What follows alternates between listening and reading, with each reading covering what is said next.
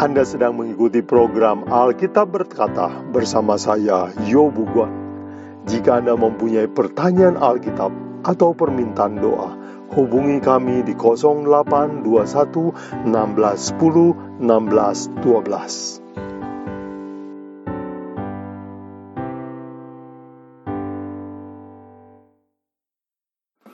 Bapak Ibu, Saudara sekalian, selamat bergabung dalam pelajaran Alkitab berkata hari ini.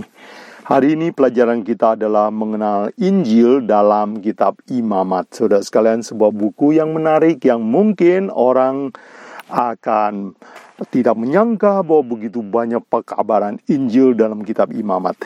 Mari saudara sekalian kita berdoa.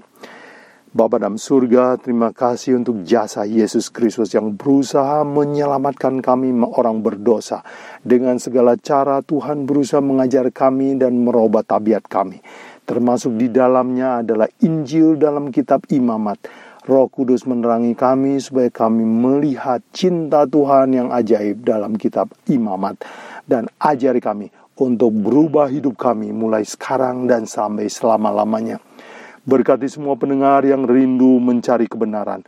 Biarlah seperti janjimu, akan ditepati. Itu barang siapa yang mencari akan mendapat. Barang siapa yang mengetok pintu akan dibukakan.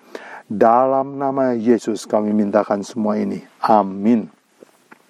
Nah saudara sekalian judul pembahasan kita hari ini adalah Injil dalam kitab imamat. Kita tahu bahwa ya Injil itu tercantum dari kitab kejadian sampai kitab Maleaki dan itu dikatakan oleh misalnya Paulus di dalam Roma 1 ayat 2 Paulus katakan Injil yang saya beritakan seperti yang telah disaksikan oleh tulisan para nabi. Nah, kita lihat di dalam perjanjian baru Yesus juga uh, sering mengutip perjanjian lama untuk menerangkan dirinya, menjelaskan tentang Injil kita lihat Lukas 24 ayat 26 dan 27. Ini adalah kisah tentang dua orang murid Yesus dalam perjalanan ke Emmaus. Mereka sedih sebab Yesus yang mereka harapkan jadi raja mati di kayu salib. Mereka lupa bahwa Tuhan berjanji bahwa Mesias ini akan bangkit. Itu sebabnya mereka sedih dan Yesus waktu bangkit bertemu dengan mereka dan menerangkan demikian.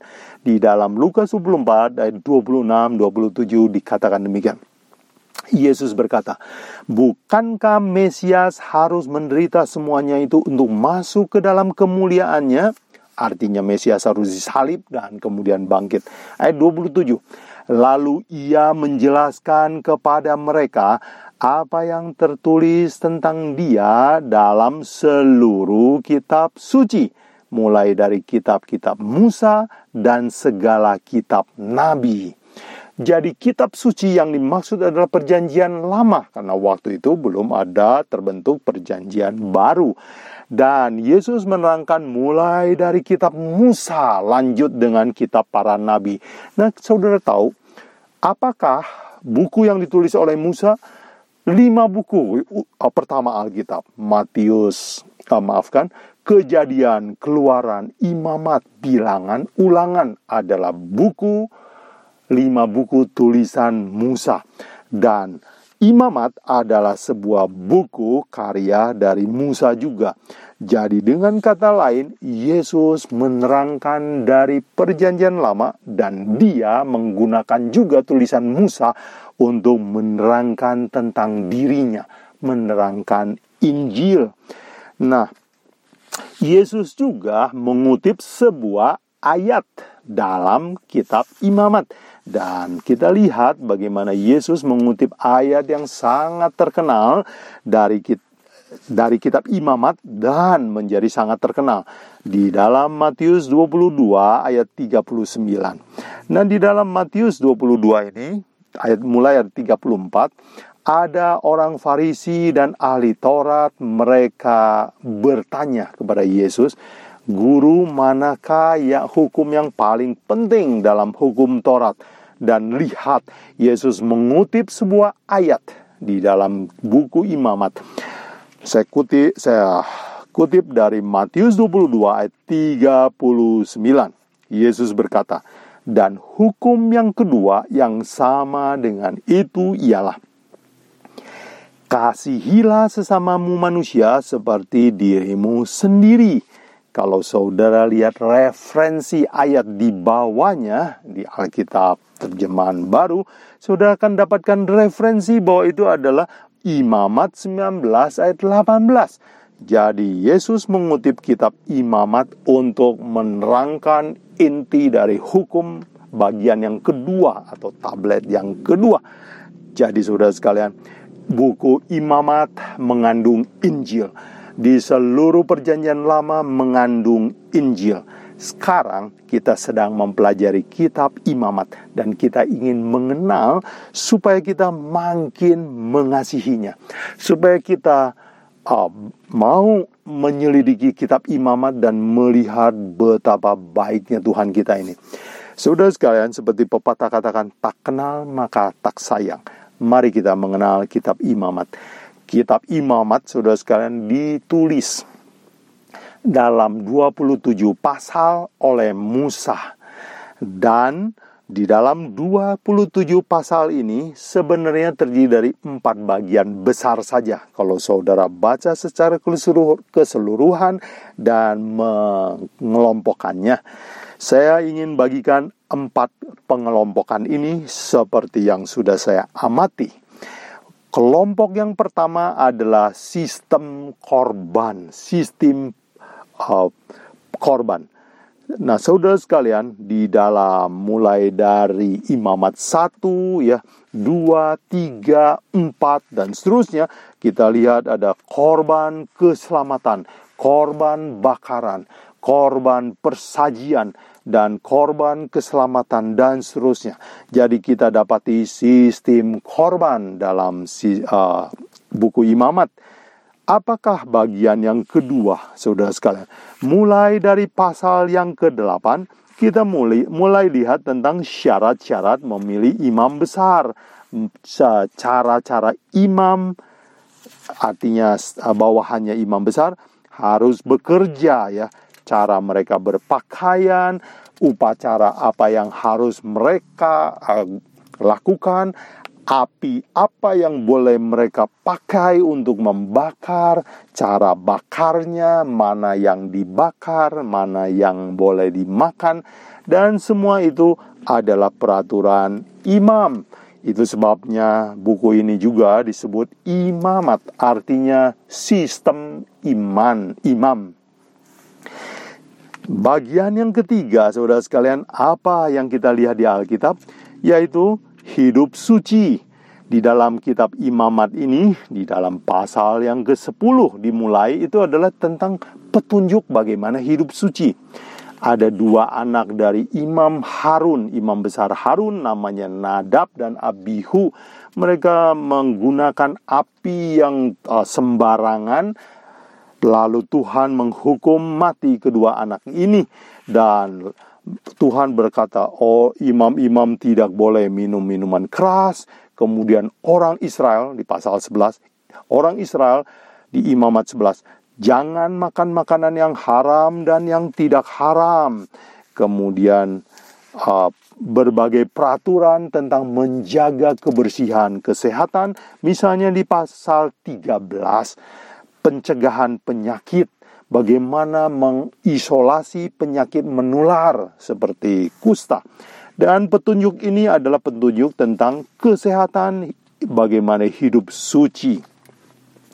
Dan kemudian saudara sekalian set di dalam pasal 18 misalnya saudara lihat ya uh, di dalam pasal 18 dan 19 adalah tentang betapa harus hidup sucinya orang Israel. Di dalam pasal 18 dituliskan bahwa uh, kesucian hidup perkawinan, kesucian kehidupan seksual, bagaimana orang uh, umat Tuhan dilarang untuk sembarangan dalam soal kawin mawin ya tidak boleh bersetubuh dengan orang yang sesama jenis kelamin dengan pria dengan pria, wanita dengan wanita, tidak boleh menikah dengan kerabat dekat, praktek-praktek seksual yang salah tidak boleh diikuti. Orang umat Tuhan harus hidup suci di dalam Imamat 19 adalah praktek hidup uh, suci secara sosial. Bagaimana hidup berdampingan mengasihi sesama manusia. Jadi bagian yang ketiga dari kitab Imamat adalah bagaimana hidup suci.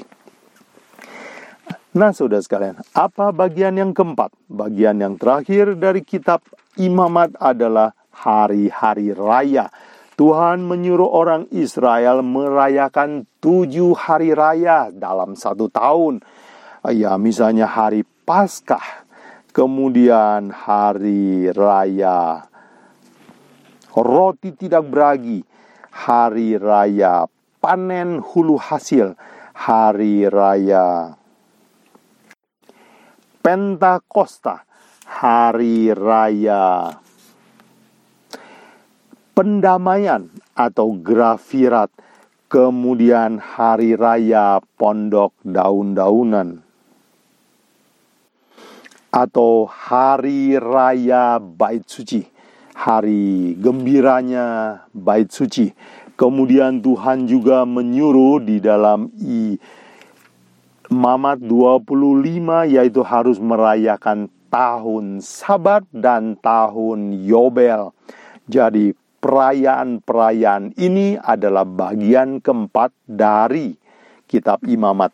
Jadi saya ulangi, ringkaskan bahwa kitab imamat yang 27 pasal ini sebenarnya terdiri dari empat kelompok saja. Kelompok yang pertama adalah sistem korban. Yang kedua adalah peraturan cara kerja imam. Yang ketiga adalah bagaimana hidup suci dan yang keempat adalah hari-hari raya sepanjang tahun. Nah, saudara sekalian, apa arti dari keempat bagian ini, saudara sekalian? Apa maknanya? Mari kita lihat nomor satu, apa artinya sistem korban? Dalam memberikan sistem korban, Tuhan berkata, misalnya kita lihat Imamat 1 ayat 3. Jikalau persembahannya merupakan korban bakaran dari lembu, haruslah yang mempersembahkan seekor jantan yang tidak bercelah. Ia harus membawanya ke pintu kemah pertemuan Lalu ia harus meletakkan tangannya atas kepala korban bakaran itu, sehingga baginya persembahan itu berkenan untuk mengadakan perdamaian baginya. Ayat kelima, kemudian haruslah yang dia menyembelih lembu itu di hadapan Tuhan. Nah, sudah lihat ada tiga hal yang Tuhan syaratkan yaitu ke satu, domba itu tidak boleh ada cacat. Yang kedua, dia harus menumpangkan tangannya, dosanya dia harus akui, ditransfer kepada domba kepada hewan itu. Kemudian yang ketiga adalah ia harus sembelih sendiri itu lembu atau domba tersebut. Jadi saudara sekalian, tiga perbuatan ini adalah lambang apa saudara sekalian? kita tahu bahwa kegenapannya itu terjadi dalam Yesus Kristus. Saya tunjukkan beberapa ayat, misalnya 1 Yohanes 29. Ketika Yesus hadir di dunia ini, Yohanes Pembaptis melihat Yesus, dia berkata demikian. Yohanes 1 ayat 29. Pada keesokan harinya, Yohanes melihat Yesus datang kepadanya, dan ia berkata, "Lihatlah Anak Domba Allah yang mengangkut dosa dunia." Dia menyebut Yesus sebagai apa? Anak Domba Allah. Inilah hewan yang diceritakan dalam kitab Imamat. Dialah Yesus Kristus, dialah Mesias, dia sudah datang ke dunia ini. Saudara sekalian, di dalam 1 Petrus 1 ayat 9 bagaimana Petrus menjelaskan bahwa domba atau lembu yang tak ber, boleh bercacat itu adalah lambang Yesus Kristus. 1 Petrus 1 ayat 19 saya kutip. Melainkan dengan darah yang mahal, yaitu darah Kristus yang sama seperti darah anak domba yang tak bercala, bercacat, tak bernoda dan tak bercacat. Kemudian saudara sekalian, apa maksudnya harus menumpangkan tangannya atas domba itu. Kita mengakui bahwa dosa kita ditanggung oleh domba ini sehingga dia mati. Jadi kita mengakui bahwa saya orang berdosa dan kita melakukannya secara sukarela tidak ada yang memaksa. Dan kita mengakui bahwa domba atau lembu itu menanggung kesalahan saya. Jadi dengan kata lain ini lambang apa saudara sekalian? Kita mengakui bahwa kita orang berdosa dan kita meminta ampun akan dosa kita. Dan apa artinya menyembelih domba itu saudara sekalian? Itu artinya kita mengakui bahwa kitalah yang membunuh Yesus Kristus. Dia mati di atas kayu salib, bukan oleh tangan Roma, bukan karena orang Farisi, tetapi karena kejahatan kita.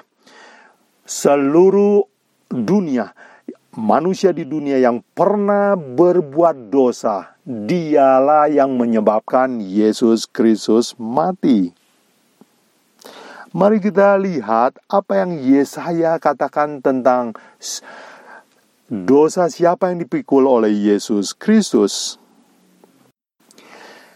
Yesaya 53 ayat 5 menubuatkan tentang cara matinya Yesus Kristus. Yesaya 53 ayat 5. Tetapi dia tertikam oleh karena pemberontakan kita. Dia diremukan oleh karena kejahatan kita ganjaran yang mendatangkan keselamatan bagi kita ditimpakan kepadanya. Oleh luka-lukanya, oleh bilur-bilurnya, kita menjadi sembuh. Saudara sekalian, siapa yang menyebabkan Yesus mati di kayu salib? Dosa. Siapakah orang yang berdosa? Kita semua. Jadi siapa-siapa yang pernah berbuat dosa, dia telah menikam Yesus Kristus. Dan saudara sekalian, Tujuan Yesus mati adalah supaya kita bisa memperoleh hidup. Jadi kalau begitu saudara sekalian apa arti sistem korban? Sistem korban artinya kita diajar untuk mengakui bahwa Yesus adalah orang suci. Kita adalah orang berdosa dosa saya ini saya over kepada Yesus Kristus, ditanggung oleh Dia, dan sayalah yang menyebabkan Dia mati. Setelah dia mati, dia berhasil mengalahkan maut supaya dia bisa tolong saya yang telah minta diampuni. Dengan demikian, sistem korban mengajarkan kepada kita bahwa kita orang berdosa membutuhkan Yesus Kristus tanpa itu kita adalah calon-calon maut, calon-calon mati kekal. Nah, yang kedua adalah sistem iman, imam. Apa yang diartikan dengan sistem imam ini? Ya, Ibrani 8 ayat 1 memberikan arti yang lengkap tentang sistem imam ini. Mari saya kutip Ibrani 8 ayat 1. Inti dari segala yang kita bicarakan ialah kita mempunyai imam besar yang demikian, yang duduk di sebelah kanan takhta yang maha besar di surga. Ayat 2, yang melayani ibadah di tempat kudus, yaitu di dalam kemah sejati yang didirikan oleh Tuhan, bukan oleh manusia. Apa artinya, saudara sekalian?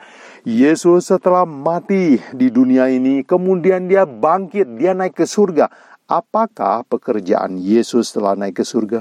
Dia jadi imam besar, dia menjadi pengantara manusia yang berdosa berdoa sampainya kepada Yesus Kristus sebagai imam besar di surga dan disampaikan kepada Bapa.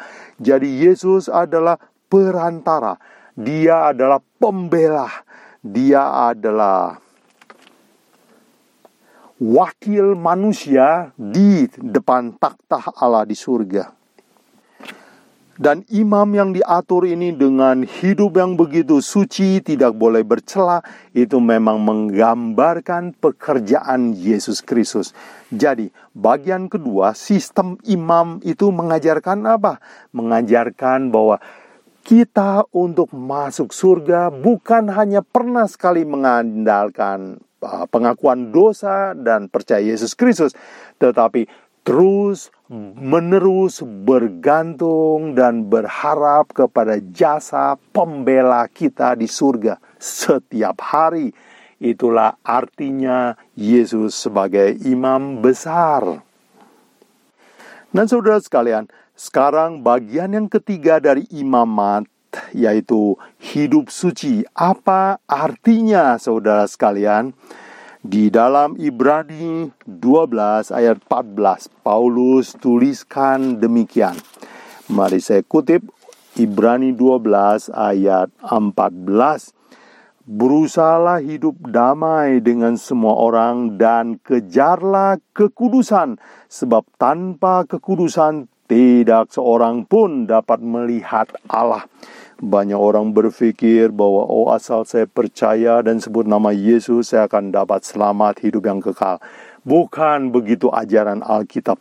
Kitab Ibrani katakan setelah kamu sembahkan korban, setelah kamu percaya imam besar, kamu harus hidup suci. Paulus katakan, kejarlah kekudusan, tanpa kekudusan tidak bisa masuk surga. Apa artinya saudara sekalian? Semua orang yang mengakui Yesus Kristus sebagai juru selamatnya, sebagai pembelanya, harus keluar dari dosa, tinggalkan dosa. Mari kita lihat apa arti nama Yesus yang dinubuatkan dalam Alkitab. Matius 1 ayat 21. Ya malaikat memberitahukan kepada Yusuf bahwa istrinya Maria akan melahirkan seorang anak dan harus diberi nama Yesus. Apa arti nama ini? Matius 1 ayat 21. Saya kutip, ia akan melahirkan anak laki-laki dan engkau akan menamai dia Yesus karena dialah yang akan menyelamatkan umatnya dari dosa mereka. Nah, sudah perhatikan apa arti nama Yesus? Menyelamatkan dari dosa, artinya keluar dari dosa. Jadi Yesus adalah pembebas, dia adalah deliverer, dia adalah seorang pemerdeka. Merdeka dari apa? Dari dosa. Jadi saudara sekalian, kalau kita percaya Yesus, mengharap dia membela kita, tetapi tidak keluar dari dosa, kita tidak memenuhi syarat keselamatan. Jadi, bagian yang ketiga dari kitab imamat mengajarkan kita setelah kita mengakui dosa kita, percaya jasa Yesus Kristus sebagai pembela, kita harus keluar dari dosa, tinggalkan dosa. Dosa jangan lagi berkuasa dalam tubuh kita, dalam hidup kita. Siapa yang boleh bertakhta dan berkuasa dalam hidup kita? Yesus Kristus.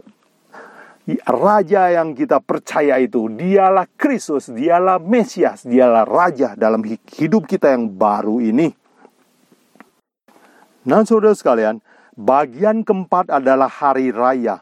Apa arti-arti dari hari raya ini, saudara sekalian? Nanti kita akan belajar satu pelajaran tentang makna hari raya orang Israel di dalam pelajaran yang terpisah. Tetapi untuk sementara saya buat ringkas yaitu hari raya Paskah. Itulah lambang kematian Yesus Kristus. Domba Paskah dibunuh, disembelih. Kemudian hari raya uh, hasil sulung. Apa artinya? Yesus akan bangkit pada hari ketiga setelah kematiannya. Kemudian hari raya Pentakosta apa artinya? Yesus akan mengutus Roh Kudus ke dunia ini.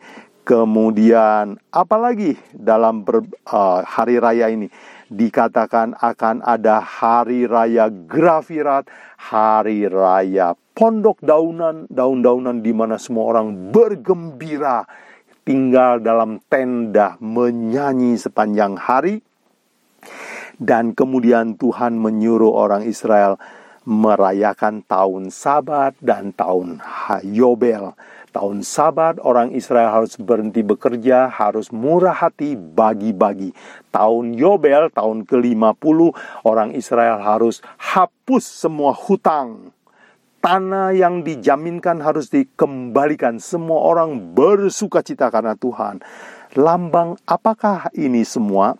Hari Raya Pondok Daun-Daunan adalah hari lambang Yesus akan datang lagi ke dunia ini. Dan hari itu adalah hari yang gembira sekali. Semua umat Tuhan akan penuh dengan sorak-sorai dan penuh kebahagiaan. Dan apa arti tahun Yobel, tahun Sabat? Semua hutang akan bebas, semua orang miskin akan dimerdekakan, semua perbudakan akan dihilangkan, semua orang akan hidup dalam kemuliaan bersama Tuhan. Jadi, hari raya pondok daun-daunan, hari tahun Sabat, hari tahun Yobel adalah lambang kedatangan Yesus yang mulia, semua orang akan hidup berbahagia selama-lamanya. Nah, saudara sekalian, kita sudah pelajari dalam kitab Imamat ada empat bagian besar, yaitu sistem korban adalah lambang Yesus Kristus penanggung dosa kita. Kita sudah belajar bagian yang kedua, yaitu imam, sistem imam. Itu artinya saya percaya Yesus adalah perantara dan pembela saya setiap hari. Yang ketiga, hidup suci. Artinya, saya mau dan bersedia dengan pertolongan Yesus Kristus keluar dari dosa dan meninggalkan hidup yang lama. Dan yang keempat, selama saya hidup dalam hidup yang baru ini, saya akan dengan tekun menunggu kedatangan Yesus yang kedua kali. Dan sambil menunggu Dia datang, saya akan hidup suci, berdamai, dan mengasihi sesama manusia. Saya akan mengajak orang lain untuk percaya Yesus Kristus. So, waktu Dia datang, semua orang yang saya ajak akan bergembira Bapak Ibu Saudara sekalian, pelajaran kita telah, selesai. Inilah Injil dalam kitab Imamat. Dan saudara sekalian sebagai perenungan yang terakhir, coba saudara pikirkan bahwa kenapa Tuhan membuat korban yang setiap hari terus menerus dilakukan. Sistem imam yang dilakukan kerjakan dari tahun ke tahun. Hari raya yang diatur sepanjang tahun orang Israel selalu ingat merayakan hari raya. Kenapa? Dikatakan saudara sekalian, ada seorang penulis menulis demikian. Tuhan membutuhkan satu hari untuk mengeluarkan orang Israel dari Mesir. Tetapi Tuhan perlu 40 tahun untuk mengeluarkan sifat Mesir dari orang Israel. Apa artinya saudara sekalian? Percaya kepada Yesus kita bisa lakukan dalam satu hari. Dan itu adalah sebuah peristiwa penting. Tetapi saudara sekalian, untuk merubah tabiat kita, untuk menolong kita keluar dari dosa dan bertobat setiap hari, itu adalah pekerjaan lama, pekerjaan seumur hidup kita. Jadi dengan kata lain saudara sekalian, Tuhan mau kita bertobat, tetapi Dia mau kita mengalami perubahan tabiat dan hidup setiap hari makin menyerupai Yesus Kristus. Semoga Injil dalam kitab Imamat membuat saudara lebih rajin mempelajari kitab Imamat dan menemukan mutiara Injil di dalam kitab yang penting ini. Tuhan memberkati saudara sekalian.